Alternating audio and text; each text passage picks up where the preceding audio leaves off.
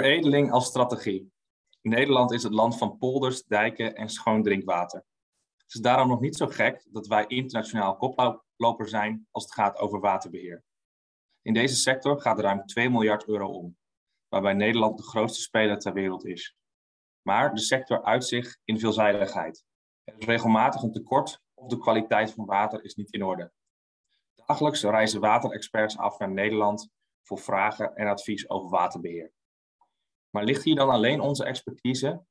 Al jarenlang staan we internationaal bekend om ons pootgoed van bloembollen en aardappelen.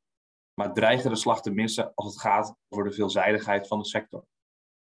Zo zit het debat rondom genetische modificatie vast. Moeten we daarom de veredelingsindustrie niet toevoegen aan Nederlands deskundigheid?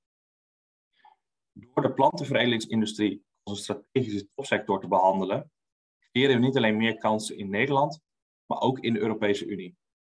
Met de Seed Valley zijn we namelijk al gepositioneerd in het wereldwijde centrum van de plantenveredelings- en zaadtechnologie-industrie. Het is nu zaak om hierin door te pakken. Waarom is dit van belang? De oorlog in Oekraïne brengt klassieke thema's zoals voedselzekerheid weer naar voren.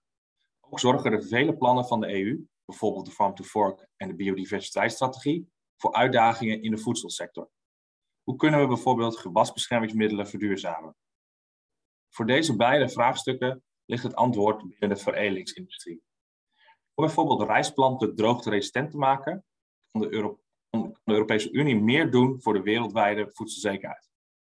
Ook door het weerbaarder maken van aardappelrassen zullen deze minder gevoelig zijn voor ziektes of droogte.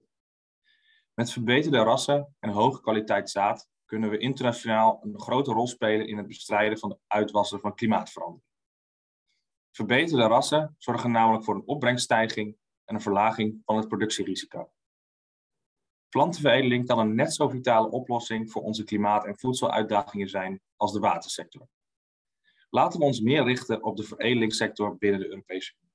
Zo helpen we de Unie ook nog eens in het strategisch autonoom positioneren ten opzichte van andere grootmachten, zoals bijvoorbeeld China. Een hernieuwde aandacht voor deze sector daarnaast ook helpen voor het losmaken van discussie rondom het gebruik van gentechnieken. Iets waarover ik eerder al voor Food and Agribusiness schreef.